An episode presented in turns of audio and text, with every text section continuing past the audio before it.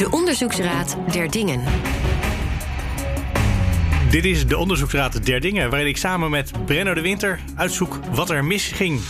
Ik ben Mark Beekhuis. En Brenno, wat is onze onderzoeksvraag deze week? Onze onderzoeksvraag is een klein beetje corona gerelateerd. Want sinds de uitbraak van het uh, coronavirus is de online vergadertool Zoom echt populairder dan ooit. Het aandeel is omhoog geschoten. En je kunt het zelfs gratis gebruiken, hè, 40 minuten lang. En dan wordt het gesprek beëindigd. Maar ja, als het gratis is, dan ben jij vaak het product wat wordt verkocht.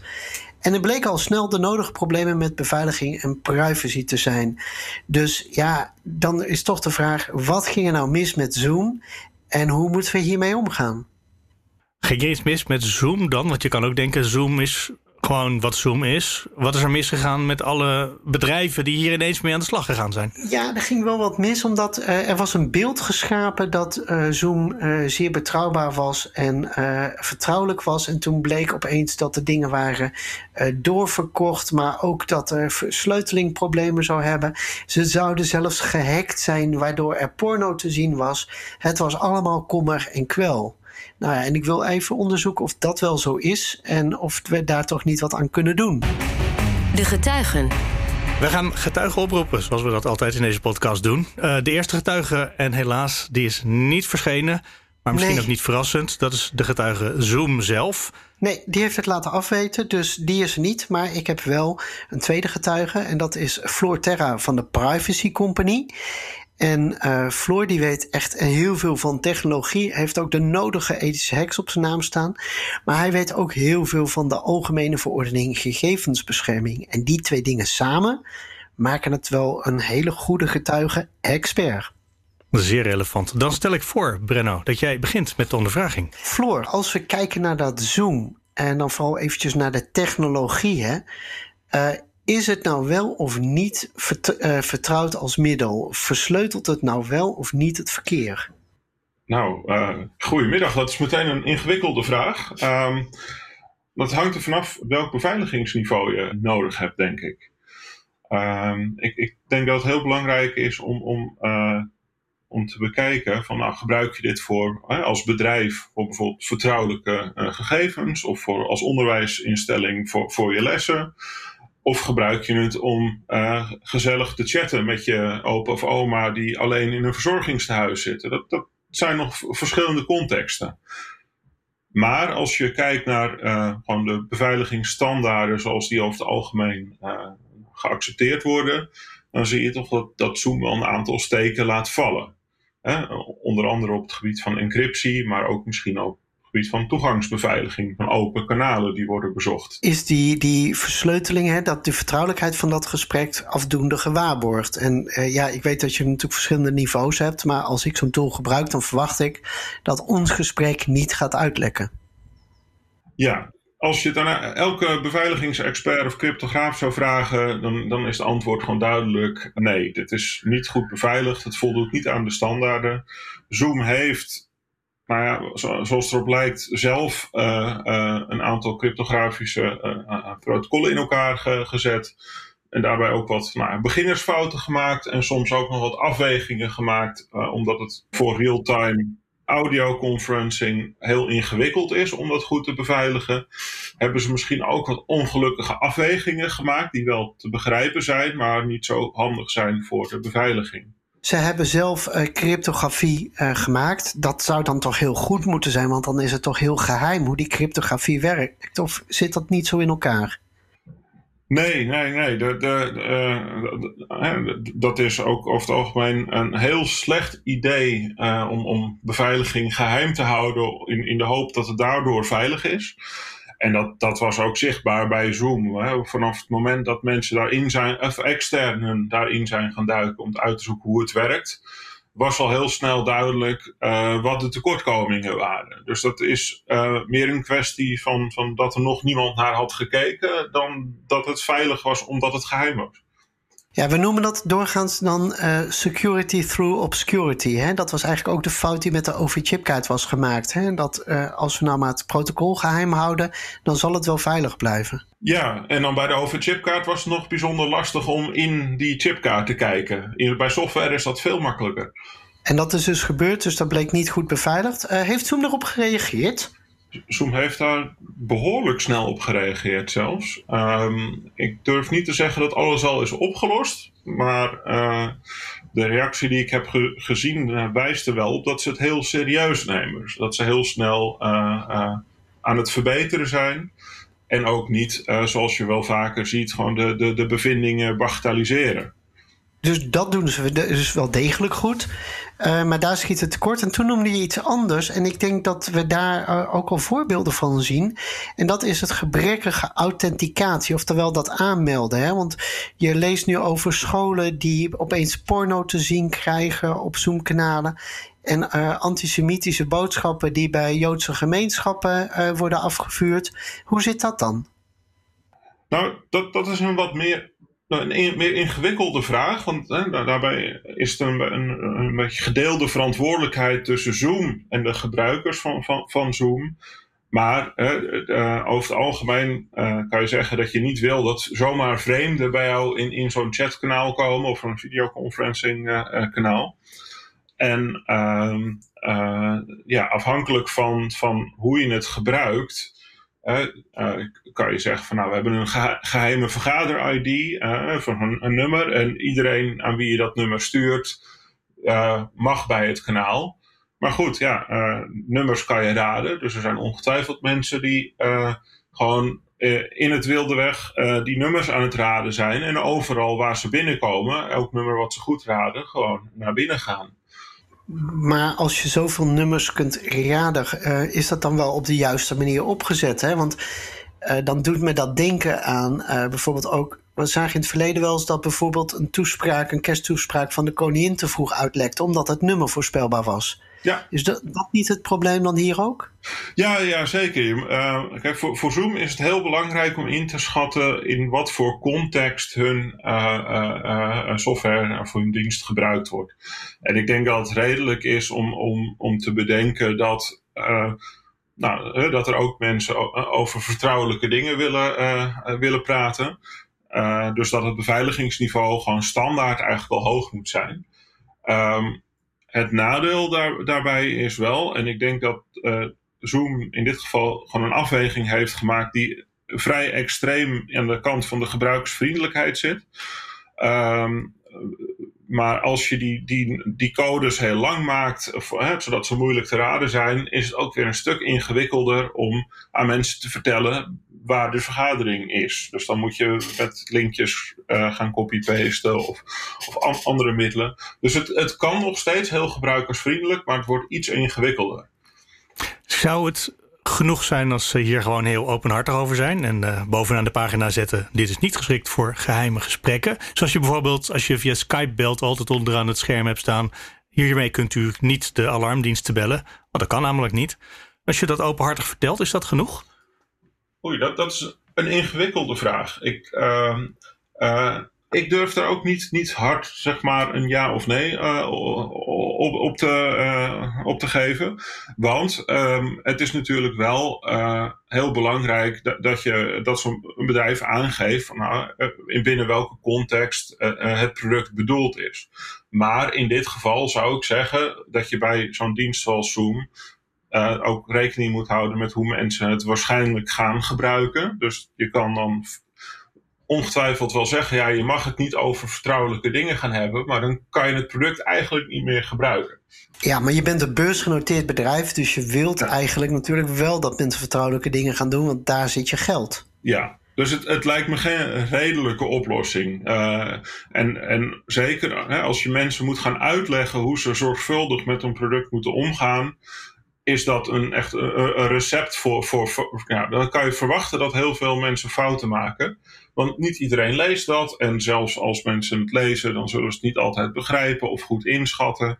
Uh, dus je kan maar beter gewoon een veilig product maken.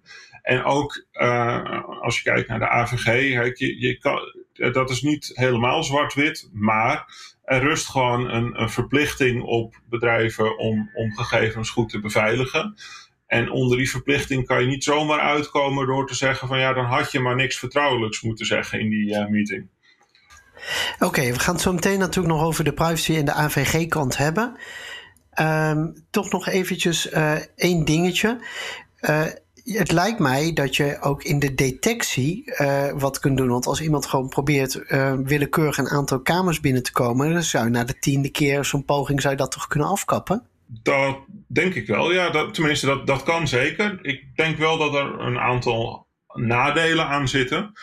Zoals bijvoorbeeld in de context van een school kan ik me heel goed voorstellen dat er een bij de leerling zit die denkt van haha, maar als ik dan tien keer ga raden, dan kan uh, de hele klas niet meer in de videoconference. En dan, uh, als hij dat vanaf het school-IP-adres doet of, of, of, iets dergelijks.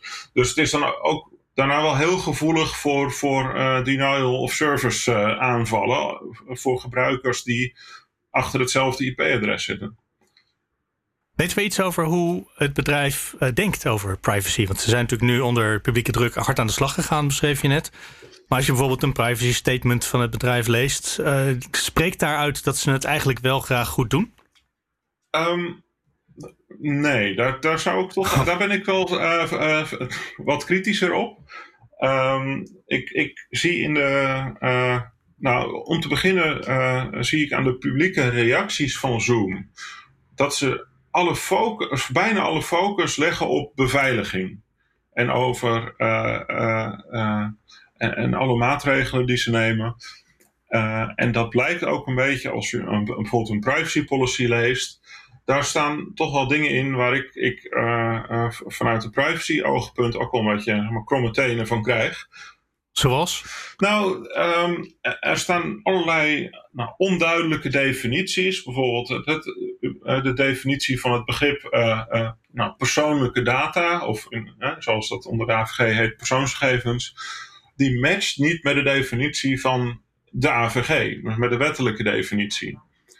Nou, dat, dat geeft mij meteen, daar word ik meteen al achterdochtig van. Dan ga ik denken van oké, maar zijn er dan, dan dingen die ze proberen uh, buiten te verklaren, zodat ze toch stiekem met bijvoorbeeld uh, allerlei afgeleide gegevens over hoe het product gebruikt wordt, toch nog voor eigen doeleinden dingen gebruiken, of misschien voor marketingdoeleinden die niet de bedoeling zijn. Um, maar je ziet het misschien nog duidelijker uh, in, in, in de manier waarop ze proberen. heel duidelijk vertellen: wij verkopen geen persoonsgegevens. Maar als je dan diep diep in de privacy policy doorleest, dan zie je van ja, met verkopen bedoelen we eigenlijk, eh, dan beginnen ze, eh, bedoelen ze eigenlijk net even iets anders. En de Californische privacywetgeving. Precies, dat, daar stond inderdaad onder de, de wetgeving in Californië, daar zou dit wel als de verkoop van gegevens worden gezien. Het was nogal Amerikaans gefocust wat dat betreft, hè, dat statement. Zeker, ja. Um, dus dat, dat geeft voor mij al aan, hè, er, zit een, een, over het algemeen een enorm gat in, in niet alleen de privacywetgeving tussen de, de VS en, en Europa, maar eigenlijk ook een groot verschil in, in, in meer de, ja, de filosofie achter van wat, wat is privacy en hoe ga je erbij om. En dit leest gewoon heel erg als een Amerikaans privacy policy en eh, dat kan niet, hè? Want de Europese wetgeving zegt gewoon wij gaan voor. Nou, um, voor Zoom zijn ze gewoon allebei van toepassing. Ze moeten zich aan de AVG houden als ze zich richten op, op Nederlandse gebruikers, als ze in Nederland actief zijn of in een ander Europees land. Um, dus eh, de AVG is gewoon volledig van toepassing. Uh, en daar moeten ze zich ook aan houden. Uh, en, en, en hun privacy policy voldoet gewoon op meerdere punten niet aan de AVG. En, en, en nu zei je net eventjes iets heel interessants. Je zei de definitie van persoonsgegevens verschilt. Is die minder breed in de Verenigde Staten dan in Nederland? Nou, ik, ik heb het nu specifiek over uh, uh, de, de, definitie in het privacy policy van Zoom. Dus ja, dat bedoel ik. Sorry, ik zeg het verkeerd inderdaad. Um, nou, er, er, worden wat suggesties gewekt. Bijvoorbeeld dat, dat personal data excludes uh, anonymous data, uh, staat er. Ik, ja, dat, dat, dat klinkt logisch, maar het is onduidelijk hoe, wat ze bedoelen met anonieme, anonieme data. Uh, dat, dat, dat is ontzettend vaak een, een, een, een onderwerp van discussie. Zeker als je allerlei technologiebedrijven bekijkt hoe ze met persoonsgegevens omgaan. Het wil nog wel eens voorkomen dat er heel makkelijk gedacht wordt over anonieme data als het gaat bijvoorbeeld over data over apparaatgegevens of data over uh, ja, uh, tussen aanhalingstekens anonieme advertentiecookies. Uh, want er staat geen naam of IP-adres of een e-mailadres bij, dus is het anoniem, is vaak de gedachte. Uh, ja, maar dat zegt de Europese wetgeving inderdaad van het moet te herleiden zijn tot een persoon. Dus een computer is te herleiden tot een persoon en dan is het toch gewoon een persoonsgegeven, zou je toch zeggen? dat klopt. Of vaak nog simpeler, hè, als je op basis van zo'n nummer of een, uh, uh, een ander identificatiegegeven iemand kan aanspreken of anders behandelen. Bijvoorbeeld door hem een advertentie te tonen of door te volgen waar die persoon geweest is ja, dan, dan heb je eigenlijk die herleidbaarheid al voor een groot deel uh, te pakken. Helder. En dan, dan las ik zelf ook nog iets heel raars uh, bij het vooronderzoek. Uh, ze hebben op een gegeven moment staan dat eigenlijk de grondslag is voor wat hun betreft toestemming. En dan staat er dat niet zij die toestemming moeten regelen, maar dat jij als gebruiker dat moet doen. En ik vond dat erg ingewikkeld. Hoe kijk jij daar tegenaan? Ik, dat, nou, dat, dat hangt er vanaf. Uh, Zoom treedt namelijk op in, in verschillende rollen. Ze treden op als verwerker, maar ook als verantwoordelijke. Um, Wat is het verschil tussen die twee?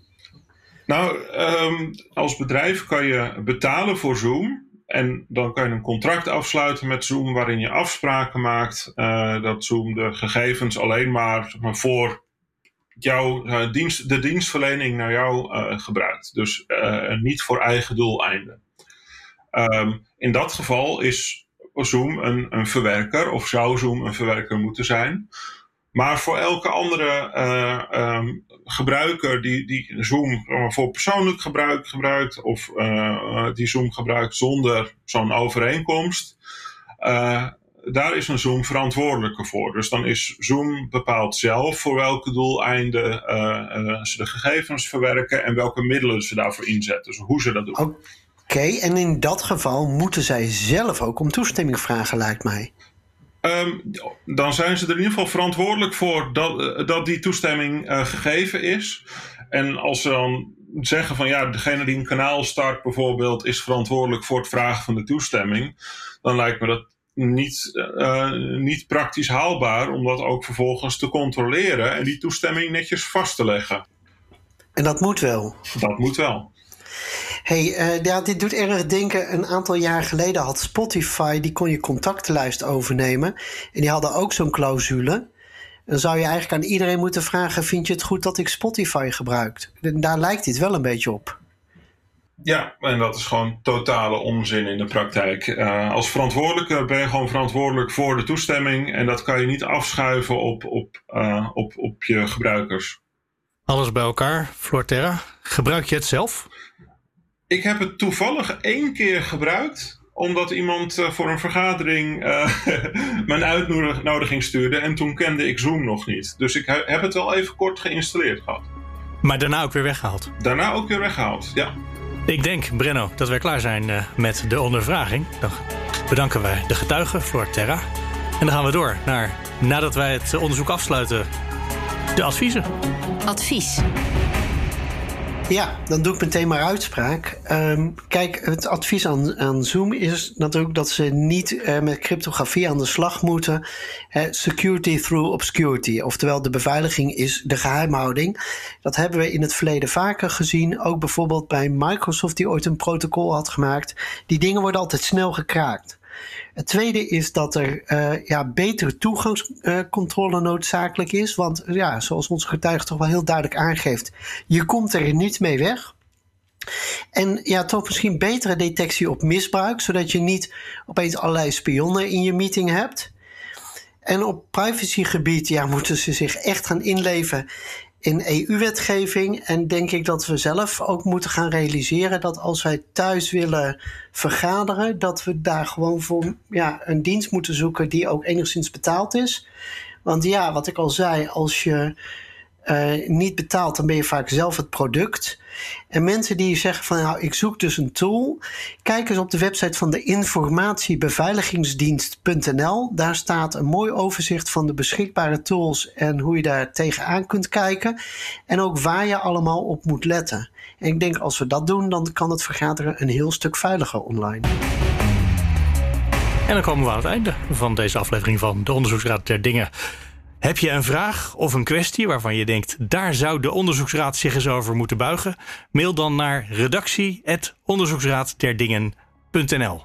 En zelf heb je je natuurlijk meteen geabonneerd op deze podcast. Maar ken je nou iemand anders waarvan je denkt, die zou dat ook leuk vinden? Stuur die dan naar bnr.nl/slash onderzoeksraad. Dan staan daar de links om je te abonneren. En je kan de afleveringen daar natuurlijk ook gewoon luisteren. Vergeet je niet te abonneren op deze podcast, De Onderzoeksraad der Dingen.